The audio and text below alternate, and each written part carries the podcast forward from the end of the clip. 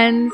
Welcome once again to Bigfoot for Breakfast, home of the mysterious and the macabre, where we hang out in the studio every week, challenging conventional thought. Well, most weeks. Some weeks. we are your hosts, Samantha Carter. And Sarah Jones.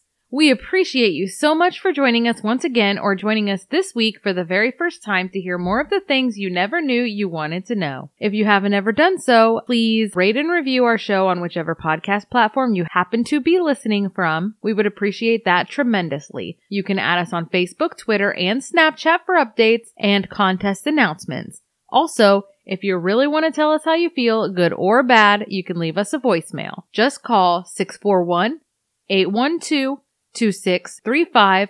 Leave your message and we'll play it on the next episode or one shortly thereafter. Also, you can send us a text message to that number as well. So if you're not feeling brave enough to leave a voicemail, which I understand, you can text us. Get your dramatic voice on. Okay, It's time to take 'em back. here it is. The year is 1994. The Friends TV sitcom premiered on NBC. Forrest Gump was the most popular film. The Dallas Cowboys were the Super Bowl champs. The Clementine spacecraft was launched from Vandenberg Air Force Base in California. The first group of women assigned to the U.S. Navy combat ship reported for duty. O.J. Simpson was arraigned for the murders of Nicole Simpson and Ronald Goldman. If the glove fits, you must acquit. The glove doesn't fit, you must acquit. Apparently, we just acquit. Either way. despite lots and lots and lots of evidence. But famous people, lots of perks for having a lot of money. True story. Jeff Bezos launched Amazon.com in Bellevue, Washington. Vice President Al Gore coined the term information superhighway. Microsoft began beta testing Windows 95.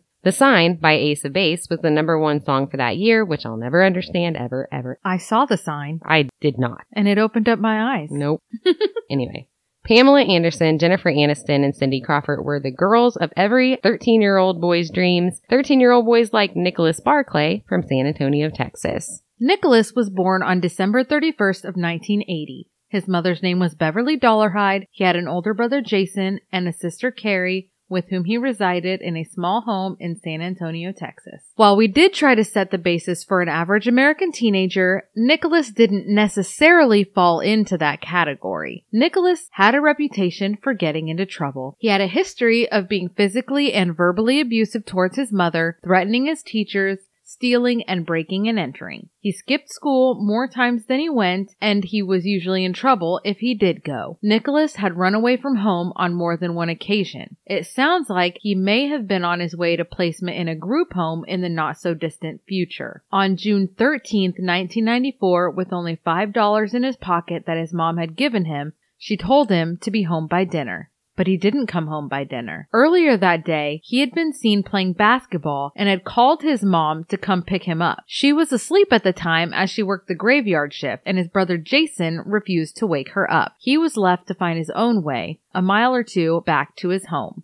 A small boy for his age, measuring only four foot, eight inches tall, and weighing in at around 80 pounds, blonde hair, blue eyes, he had three tattoos. He was last seen wearing a white shirt, purple pants, and carrying a pink backpack. This time, however, he did not return, not even for more money, for food, or clothes. A day went by, which is the longest he had ever stayed gone, then a week, a month. Perhaps he'd tried to get a ride home from the wrong person. It was thought by police and perhaps in the beginning by even his family that he had run away yet again. Especially considering that the hearing for his placement in the group home was set the very day after he disappeared. The authorities were slow to respond, assuming that he would show up in a day or so. In fact, it had been speculated by some that he hadn't been seen since the 10th and was not reported missing until three days later since it wasn't unusual for Nicholas to leave home for a day or so. But it would be September before any word of Nicholas was heard. On this night, the police received a phone call related to a report by his brother, Jason, that Nicholas was seen trying to break into their garage.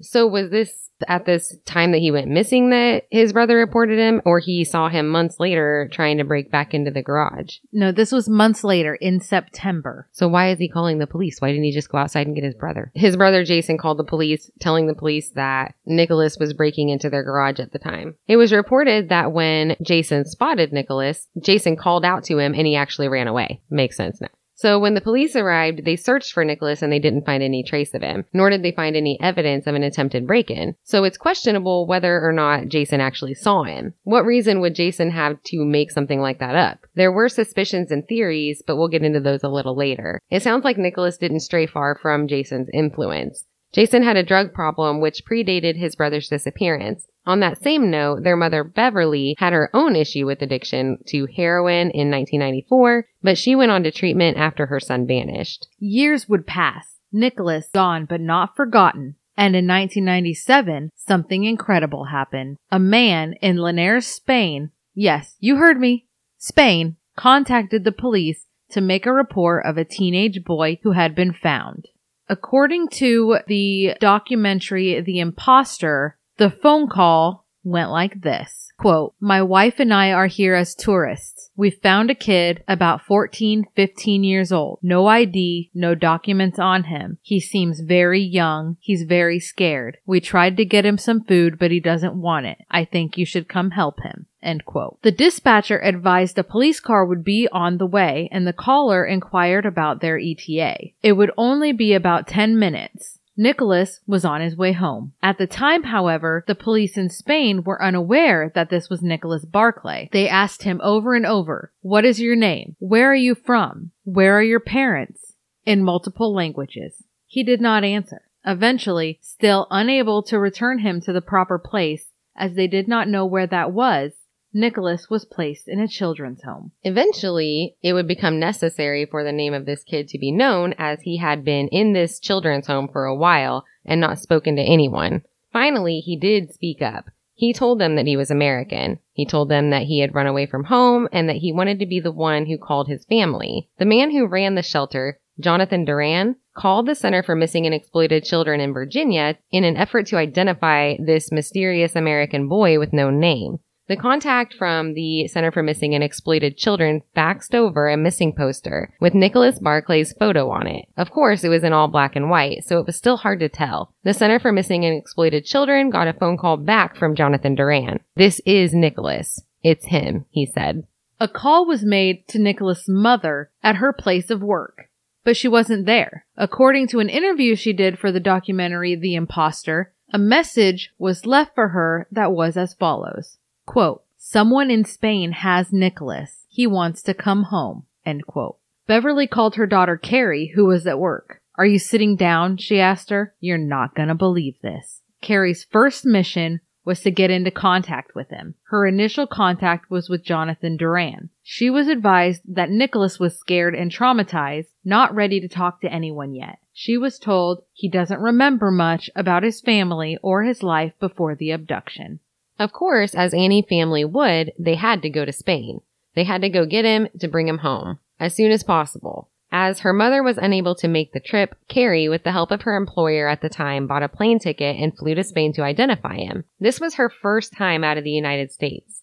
The circumstances of his resurfacing defy the typical missing child case. The likelihood of a child being recovered after three years in the wind is rare. Finding him in an entirely different country is even more rare. Stranger still was the condition in which she found her now 16 year old brother, Nicholas, when his sister arrived in Spain. Before his sister arrived, someone from the American embassy was sent to meet with Nicholas.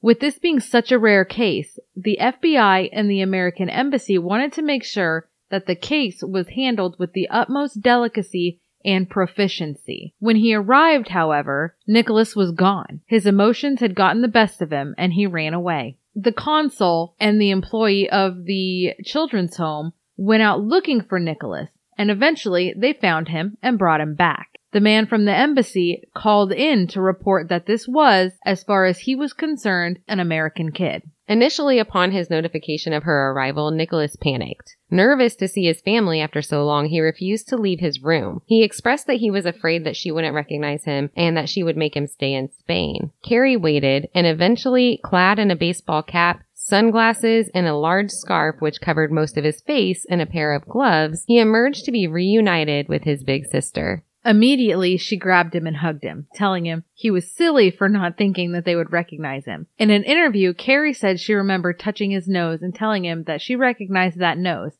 He looked like his Uncle Pat. I know it's you, she remembers saying. I love you and everything's gonna be okay. Nicholas was still gun shy and not saying much. Carrie had brought some photographs with her, and together they sat down in the visitor's room to look at them. One by one, she went through the pictures with him, making sure he remembered everyone from his life back home. As they spoke about their family, she noted his voice remained soft at a whisper. He had suffered so much after the last few years, as anyone else would think. She couldn't imagine what he'd been through. She noticed as well that he'd picked up an accent. She was in awe of how much he'd grown, how tall he was. Before she could take him home, they sat before a judge in order to prove that there was a true legal basis behind the claim that he was Nicholas, an American citizen, and that it was Carrie's brother. They did make them do separate meetings with the judge. They did not see the judge together. He was asked to identify people from his family photos and various other bits of information to prove that he was who he said he was. The rest of the night passed in peaceful silence as they anticipated the long trip home. The next morning, they woke up and boarded the plane. Nicholas was clearly anxious. In Texas, Beverly, along with Carrie's husband Brian, and her children also headed to the airport anxious with anticipation. On October 18, 1997, Nicholas Barclay finally arrived home to Texas Welcomed with open arms by the family that had been missing him for so long, they played music in the car to try to help ease his nerves and make him feel better. The next morning, they went for a drive to refamiliarize him with his hometown and some of the people in it. They did their best to be patient and understanding. They understood he had endured a significant amount of trauma which affected his ability to remember. They didn't know for certain what that trauma was, and they weren't going to push him to talk about it. They were going to give him space and let him talk when he was ready. In the meantime, he would return to high school and try to resume a normal life. His family made a point to bring him back to a sense of normalcy, a routine. They kept their days relaxed and casual to help ease some of his emotional stress. The whole family rallied to make him feel like home was home again. Everyone except for his brother Jason, who didn't seem to accept him back home quite as openly as everyone else. I've already figured it out.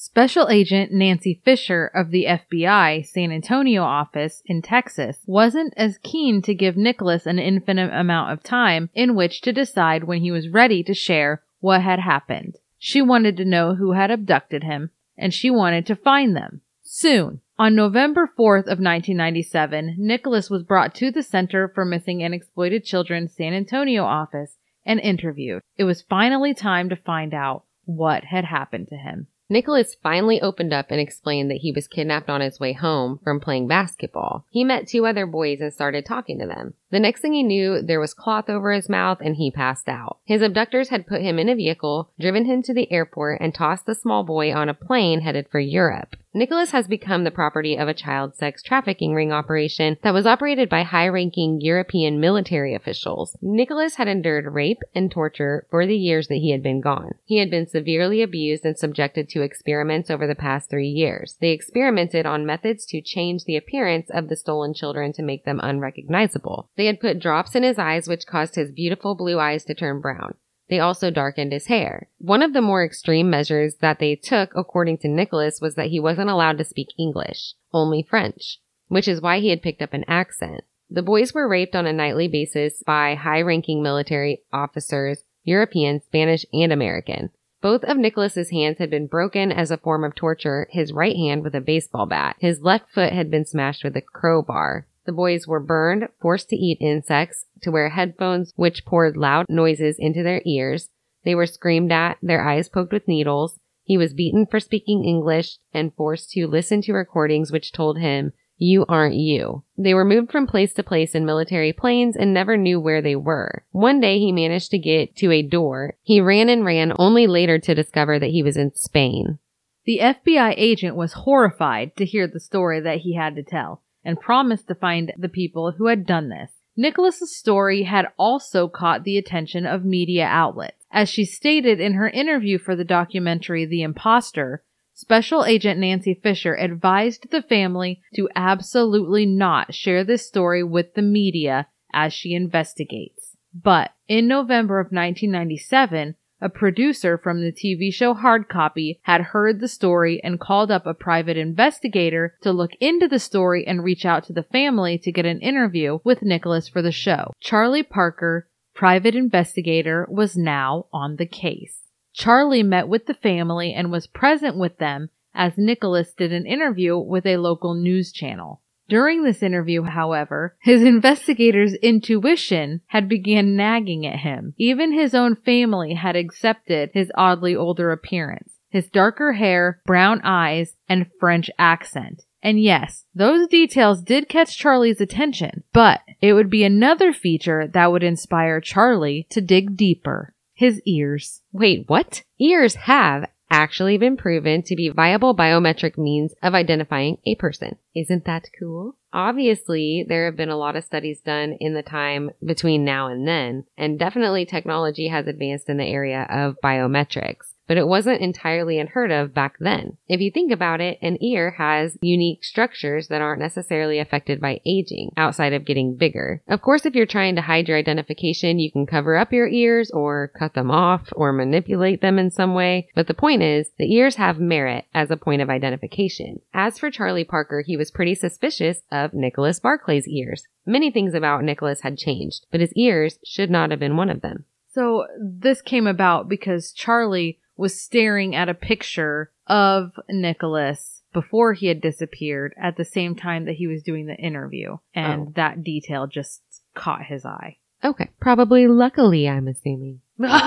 Here we are again with another mystery on our hands. If he wasn't Nicholas, who was he? And why was he pretending to be Nicholas? And more importantly, why was Nicholas's family going along with it? Charlie got on the phone and called Special Agent Nancy Fisher, who told him what any federal agent in the middle of an investigation would have told any other private citizen, investigator or otherwise. Be careful not to interfere with a federal investigation. Agent Fisher had Nicholas taken to Houston to meet with a forensic expert who could help him deal with the trauma that he had endured. Bruce D. Perry, MD, PhD, at Texas Children's Hospital. During this interview, Dr. Perry also noticed that something was off. As Nicholas recounted his traumatic experiences, Dr. Perry expected to see some of the types of physiological changes that are typical of a person who has undergone trauma. Changes in pupil size, body posture, and heart rate. But Nicholas had none of these changes. Also, the French accent. It didn't fit. Dr. Perry was certain now this was not a kid who was raised in an American English speaking household. This was not Nicholas Barclay. Holy buckets. What a revolting development this is. Name that quote. What a revolting development this is. Hold on. The Life of Riley. Me and Sam used to listen to vintage radio shows while we were going to sleep. I'd better be shoveling off. Yes. Such good stuff. If you're ever interested, The Life of Riley. It's one of the funniest. It's awesome. Anywho, moving on. So Dr. Perry notified Agent Fisher of his conclusion after the interview concluded. Naturally, after having a WTF moment, she got on the phone to call the family. Agent Fisher spoke with Carrie and told her that her brother was an imposter uh-huh. Uh-huh. And that she was not to come to the airport to pick him up when they returned from Houston as planned, and that the FBI was going to handle it. Whew! Good thing that got taken care of, right? Wrong. They did fly back from Houston, and when they got to the airport, Agent Fisher was met by an even more outlandish surprise. Carrie Gibson, there to pick up her fake brother with open arms and a loving embrace. Like the conversation never happened, and she took him back home. Is it possible that they just wanted Nicholas back so desperately that they were willing to overlook so many things? Is it possible to be so deep in denial? What the heck was going on? First and foremost, who the hell is this guy? While the FBI focused on finding out the identity of the imposter, Charlie Parker went to work on finding out what really happened to the real Nicholas Barclay. Agent Fisher went to the house in San Antonio and asked Beverly Dollarhide for DNA as well as Nicholas. According to every source on this story, Beverly adamantly refused. According to Agent Fisher, she was unwavering in her assertion that this was her son. She laid down on the floor, refusing to submit a sample stating, you can't make me. And just like that, the Barclays were no longer seen as the grieving victims of a tragic crime. They were sus AF. We were going to dig a little deeper into this, but first, let's figure out who this dude is that they refuse to accept is an imposter. A warrant was issued to collect DNA from Nicholas. He was taken in and he was fingerprinted. With the walls closing in on the scam and the high pressure of the situation being reflected in his behavior, Charlie Parker began tailing Nicholas so that he couldn't make a run for it. In December, Nicholas took Brian and Carrie's car on a drive to Oklahoma, and he was pulled over for speeding and he was arrested. He was brought back home to San Antonio, quote, home, just before Christmas, and he went into the bathroom and with a razor began to cut up his own face. He was hospitalized in a psychiatric unit for a few days after that, and he wrote in a notebook, quote, when you fight monsters, be careful in that process you do not become one, end quote. Do you recognize that quote? No. Criminal Minds has served me well. Yes, I imagine it has. They have a lot of really good quotes at the end that are very emotional. Beware that, when fighting monsters, you yourself do not become a monster. For when you gaze long into the abyss, the abyss gazes also into you. Friedrich Nietzsche. Very clever. Waha! I can't tell you how many times I hear quotes and I'm like, I've heard that on Criminal Minds. right? yeah, they're really good at finding good quotes to fit their agenda. My cats are very philosophical now as well, after watching every season of Criminal Minds three times. Okay, five times. we were matching jammies and everything.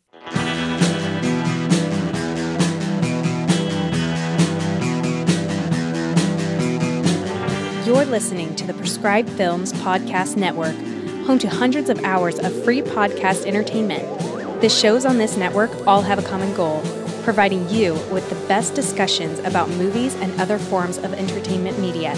The PFPN hopes to fill your earholes with audio joy. Visit our website with links to all the other amazing shows at www.thepfpn.com. Thanks for listening.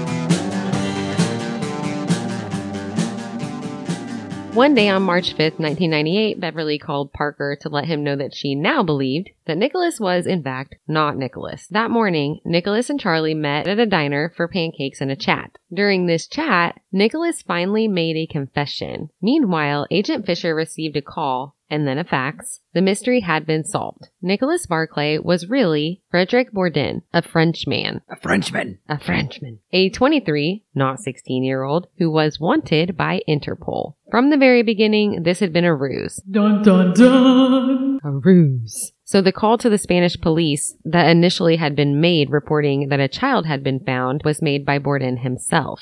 When the police arrived, they found him alone with his demeanor and behavior well thought out and calculated to manipulate the authorities into believing that he was this lost, scared, damaged child so that they wouldn't ask too many questions. He wanted them to feel emotionally invested, guilty. He wore clothes that hid his features, the coat, hat, scarves, sunglasses, and gloves. They were all designed to hide his age. His plan was to be taken to a youth home where he could live comfortably as somebody else. His cush plan was disrupted when they pushed him to reveal his identity. He had to think quickly. Do you remember Jonathan Duran, the man who called the Center for Missing and Exploited Children looking for a missing kid, who spoke to the Barclay family as an advocate for Nicholas? Yeah, that was Bourdin as well. He really ran into trouble when the American consulate and the FBI got involved. When Jonathan Duran was sent a color photo of the blonde haired, blue eyed boy whose identity he had claimed, he knew he was screwed. He ran away to get out of this tangled lie, but he was unsuccessful. He dyed his hair and had a girl at the youth center give him the tattoos described on the missing poster. He delayed going out to meet Nicholas's sister because he knew that he was going to be busted. He spoke as little as possible to hide his accent. Even he was astounded to have made it so far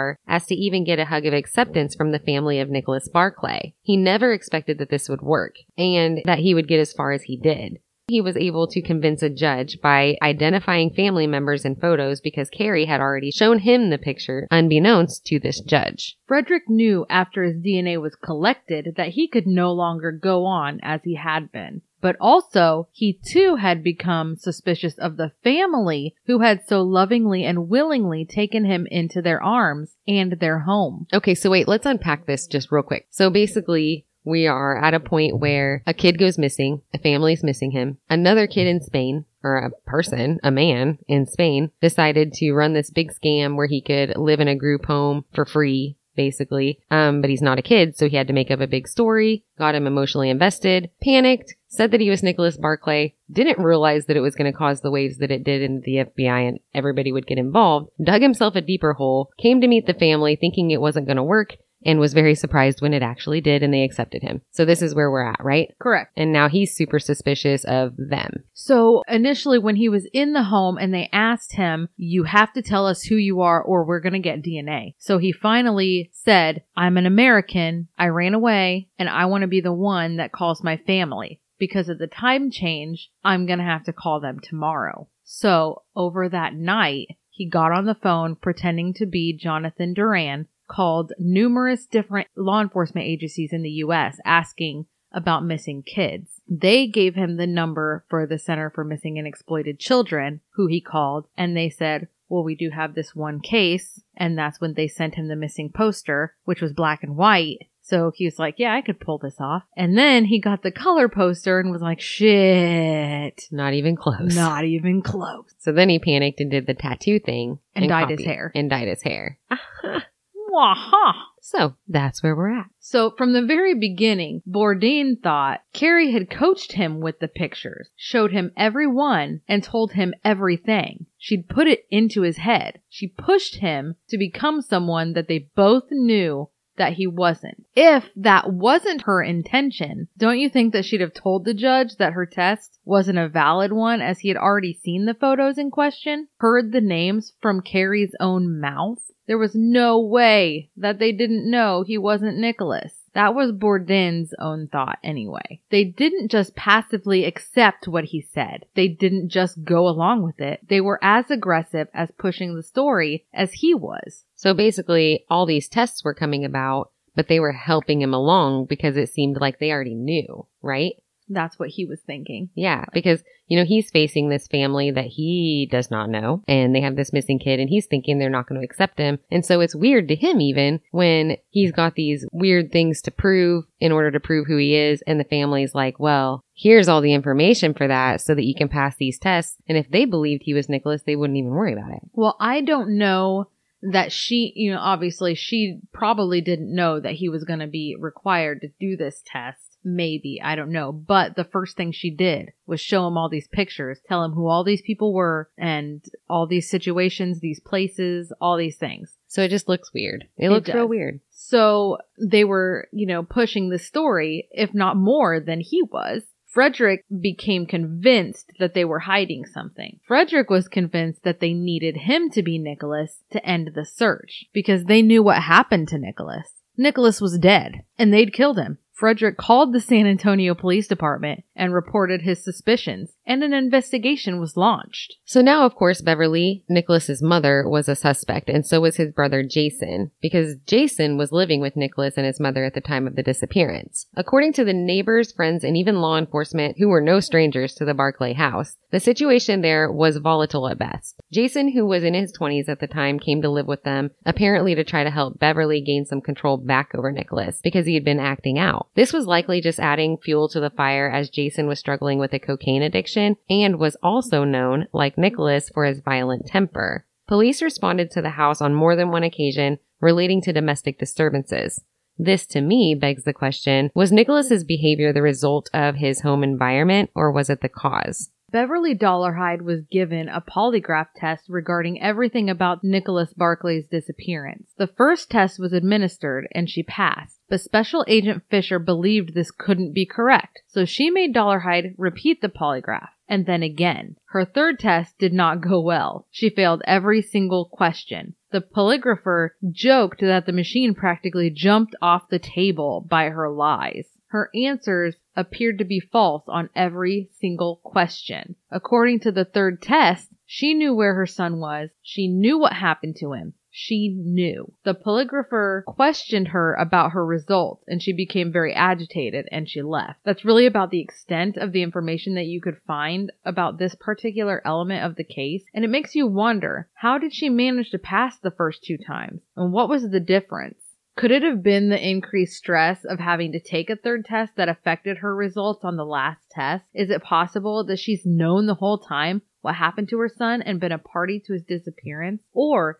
at the very least, an accomplice. Perhaps that's what contributed to her other son's untimely death from overdose. Because Jason overdosed on cocaine in 1998 and was unable to be interviewed or questioned about his brother's disappearance any further. Was it guilt? We can only speculate. That was exactly what Frederick Bourdin thought that Nicholas's older brother, Jason, had killed him and buried his body somewhere and that the rest of the family had either helped or they knew about it. The reason for this thought process was that when he met Jason, his behavior was really odd. Bourdin said this of that experience. Quote, when he came to see me, he didn't look at me like Nicholas. He didn't pretend to look at me like Nicholas. And then he said good luck to me and then he left. End quote. Jason knew that he was an imposter right from the beginning and he didn't want to call him out so he didn't have to face his guilt. Or perhaps the search would be over and he would be free and clear of this crime. And like I said, it is suspected that even if their mother was not involved directly, it's most likely that her son confessed to her about it. So she was aware and complicit in keeping the secret, putting on the charade for all of those years and going so far as to play along when the imposter pretended to be him. Quote, they knew that I was not Nicholas. End quote. Bourdin said this in The Imposter.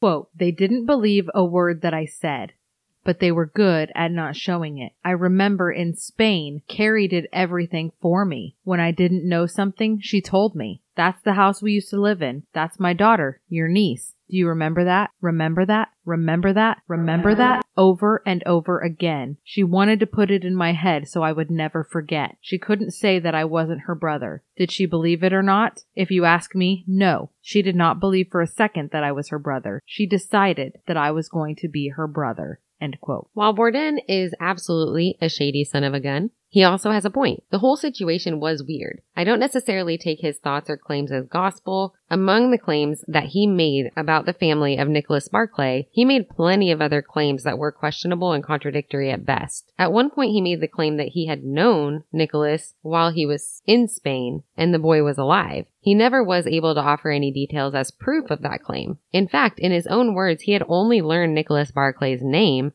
when he was pretending to be Jonathan Duran while speaking to the Center for Missing and Exploited Children. On another occasion, he claimed that he had proof that Nicholas was dead. He eventually recanted ever having met Nicholas and stated that he really knew absolutely nothing about the case. He was sentenced to six years in prison, which was actually more than twice what the sentencing guidelines suggested. I feel like that's pretty insignificant considering all the damage that he caused, presuming the family was innocent and victimized. He had deceived the American consulate and been declared an American citizen. Lucky for us, he wasn't some spy with a greater scheme. Instead, he was a con artist with psychological issues who wanted attention. Why had he become this man on a mission to become someone else? According to interviews, Bourdin had been looking for, quote, love and affection, and attention that he never received as a child. His mother was 17 years old when he was conceived. His father was a man from Algeria. Bourdin's mother's father was very racist and disapproved of the relationship. She was told to abort the child, which of course she did not. Apparently, the feeling of being unwanted sadly followed him throughout his life. In an interview, Bourdin lamented, quote, as long as I can remember, I wanted to be someone else. Nobody ever gave me a childhood because to give a kid a childhood, you had to love them. End quote. Really, I can feel for him. I really can. But that is definitely not an excuse to take advantage of other families, particularly ones that have suffered such a terrible loss. This wasn't even his first time. He had already pretended to be an orphan several times, changing his name and convincing people that he was much younger than he was. In 1992, he was Frederick Beard, as well as Jimmy Peter Manfred in Luxembourg. In 1993, he was Benjamin Donison and Alex Ross Milan. He had been Thomas Wilson in Brussels in 1995. He had assumed multiple other identities over the years. 16 year old runaway Herney White. He had been Marco Fernandez, Benjamin Kent in Moscow, Arnaud Oriens, Robin Morins, Mark Selepin, Alex Dole, Jimmy Sark, and who knows how many others. I really wasn't able to find much information on the other identities that he had assumed or stolen. He had been all over Europe under the guise of different names, pretending to be younger, taking advantage of youth shelters. It sounds like the case of Nicholas Barclay was just the most elaborate of his schemes. It seems like there was no line that he would not cross. Even from prison, he was calling families of missing children claiming to have information about their missing loved ones. After he was released from prison, he was deported back to France. Upon returning to France from the US in 2003, you would think he would have learned his lesson, but that simply was not the case. He moved to Grenoble and assumed the identity of a French boy named Leo Bali, who had been missing since 1996. He was six years old at the time of his disappearance, while out with his father and some of his father's friends. They were out on a mountain while his father was installing a tent. The six year old disappeared. Despite extensive searches, no trace of the boy was ever found. Once again, in this case, he was subjected to DNA testing, which proved that he was not Bali. In August 2004, he was in August 2004 he was back in Spain impersonating an adolescent named Ruben Sanchez Espinoza, whose mother had been killed in the Madrid bomb attacks. When the police found out the truth, they had him deported back to France yet again. Still, he persisted with this charade.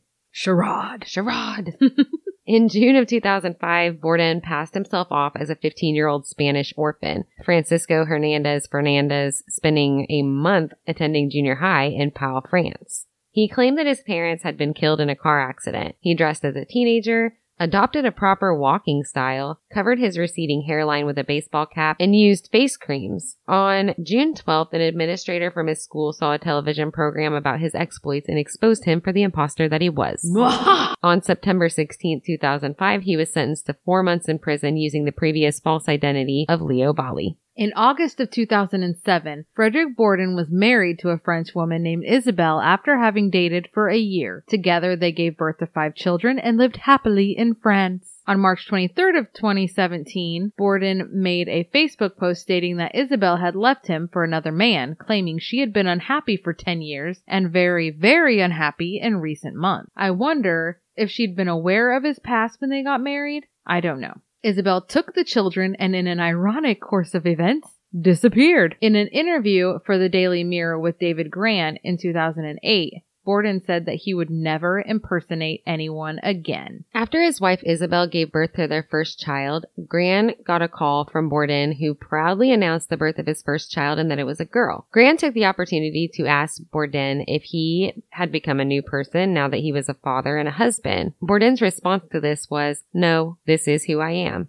With this fresh start, Bourdin revealed that his reasoning for having done the things that he had done was that there was never much love when he was growing up. He said, nobody ever gave a damn about me. And to know that if I changed my identity, the reward would be that someone would eventually care about me. And, and hell yeah, I was born again. I was reborn.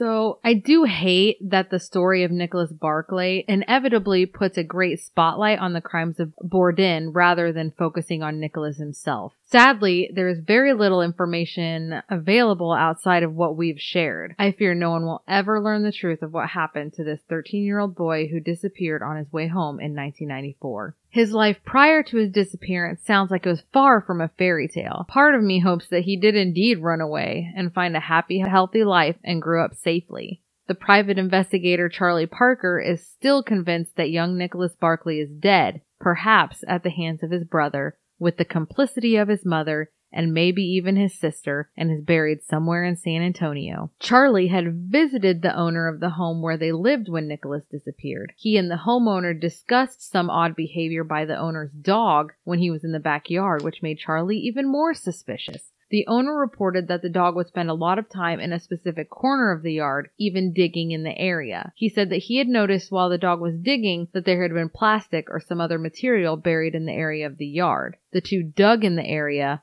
but they were unable to find any evidence to prove Parker's theory, and the case remains cold and unsolved to this day. Many people who follow the Nicholas Barclay case made note of some similarities to the famous disappearance of another boy named Bobby Dunbar, whose case has also made headlines in the United States. Four years old, Bobby Dunbar went with his parents on a fishing trip in Louisiana on August 23, 1912. The Dunbars made their way north towards Swayze Lake for a trip that would change their family forever. Bobby suddenly disappeared from the face of the earth while out in the wilderness and the family began searching for him in that area. After an eight month investigation that was funded personally by the Dunbar family, a boy was found in Mississippi who was claimed to be the missing Dunbar boy. The boy called Bruce traveled with a man named William Walters who said that he had been given full custody of the boy by a woman named Julia Anderson, who used to work for the family. When Walters was arrested for kidnapping, Anderson even came to testify for Walters in his trial and backed his story about her child. Because the kid in question was born out of wedlock and neither of the two could afford lawyers, Walters was convinced, and the boy was taken away from them and given to the Dunbars as their own son Bobby. In 2003, a DNA test revealed that the boy had in fact not been Bobby Dunbar and was Bruce Anderson. So what happened to the real Bobby? It's been assumed that he likely drowned in the lake, which is definitely sad.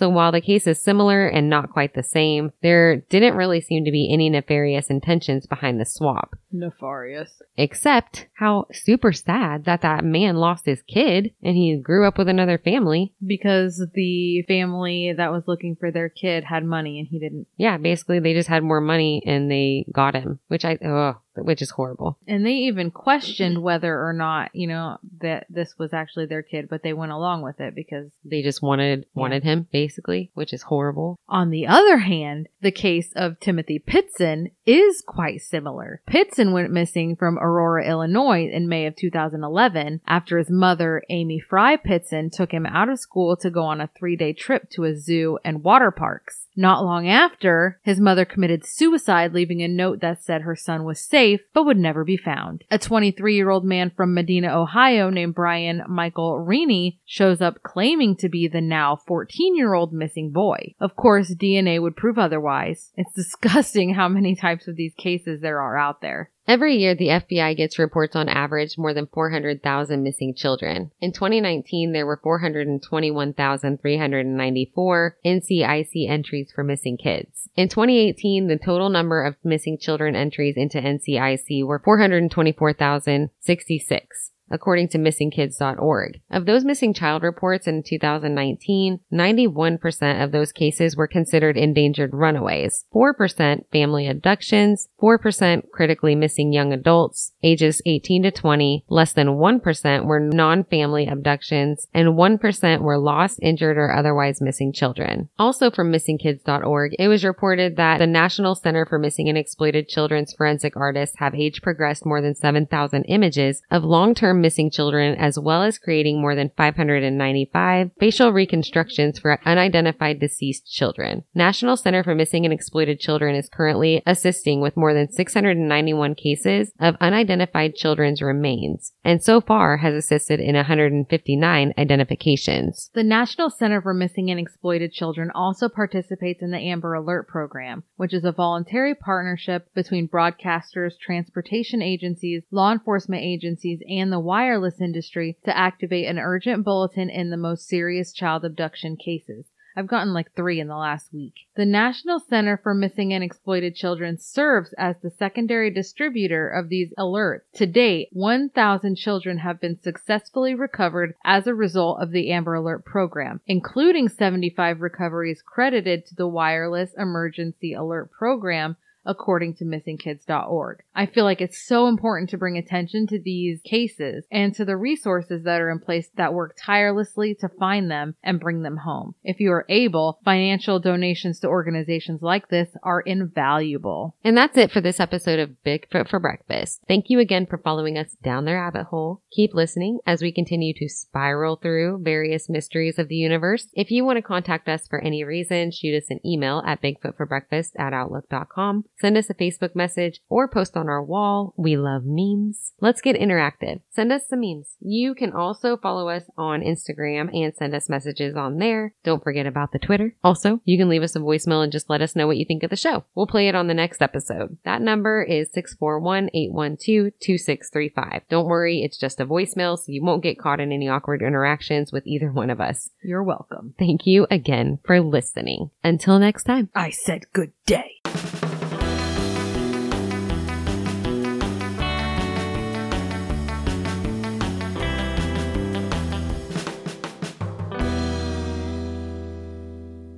Come at me, bro.